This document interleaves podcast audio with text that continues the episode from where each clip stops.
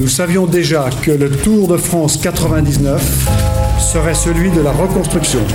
3 juli 1999 gaat de geschiedenis in als de dag van de wederopstanding van de Tour.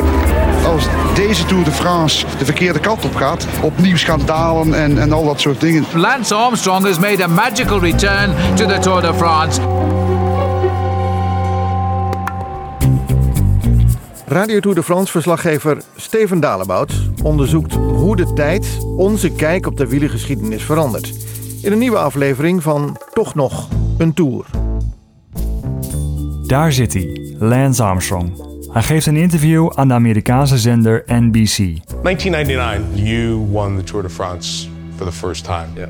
Now it's 20 years. 20 years. That's a long time.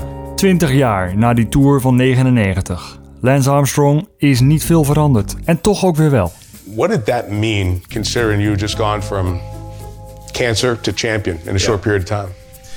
Well, I mean, I think the the biggest thing is it was a surprise. Die priemende ogen heeft Armstrong nog steeds. Maar verder is de pitbull-houding weg.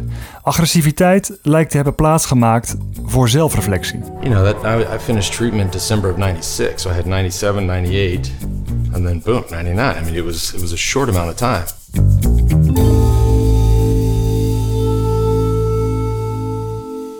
Hoeveel interviewverzoeken zou de manager van Armstrong krijgen? Armstrong kent ongetwijfeld de Radio 1-microfoon, want die heeft verslaggever Jeroen Wielaert vaak genoeg onder zijn neus gedrukt.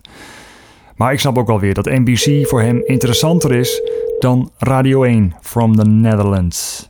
En daarbij is de Tour van 99 voor vele hoofdrolspelers nog een pijnlijk onderwerp, heb ik de afgelopen tijd gemerkt.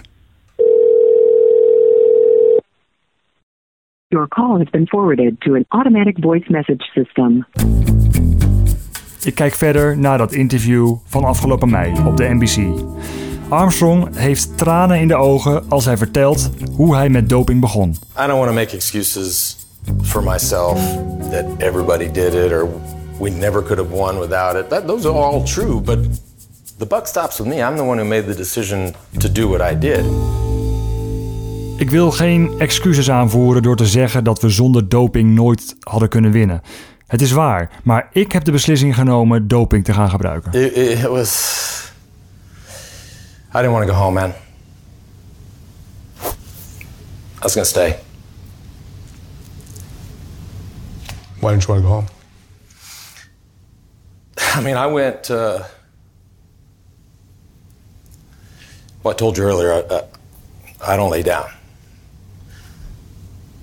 And it was the wrong decision, but laying down would have been giving up, going home. Right. I went to. Uh, I knew there were going to be knives at this fight, not just fists. I knew there'd be knives. I had knives. And then one day, people started showing up with guns.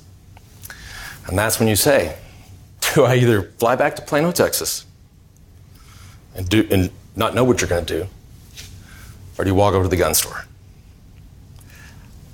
And I walked to the gun store. So uh, I didn't want to go home. Armstrong gebruikt messen en geweren als metafoor. Hij kwam met messen naar het gevecht en opeens stonden daar mensen met geweren. Hij vertelt verder dat hij het niet anders zou doen mocht hij die keuze opnieuw kunnen maken. Wat gebeurd is, is gebeurd. En Armstrong zegt dat hij van zijn fouten heeft geleerd. Hij zegt ook dat hij nu pas snapt dat wat hij heeft gedaan niet iets is waar mensen zomaar overheen stappen. So it's taken years and years and years of introspective and work and therapy and, and just understanding what it what it meant. I mean, you're asking me about what I think the 99 tour meant to cancer survivors or to the cancer community. Right. You know, five years ago, my answer was, "What the hell's the problem? Just get over it. Look at what all look at all the good I did." But as I sit here today, and it's a, again, it's a process. You can't just get over it. Is a big story.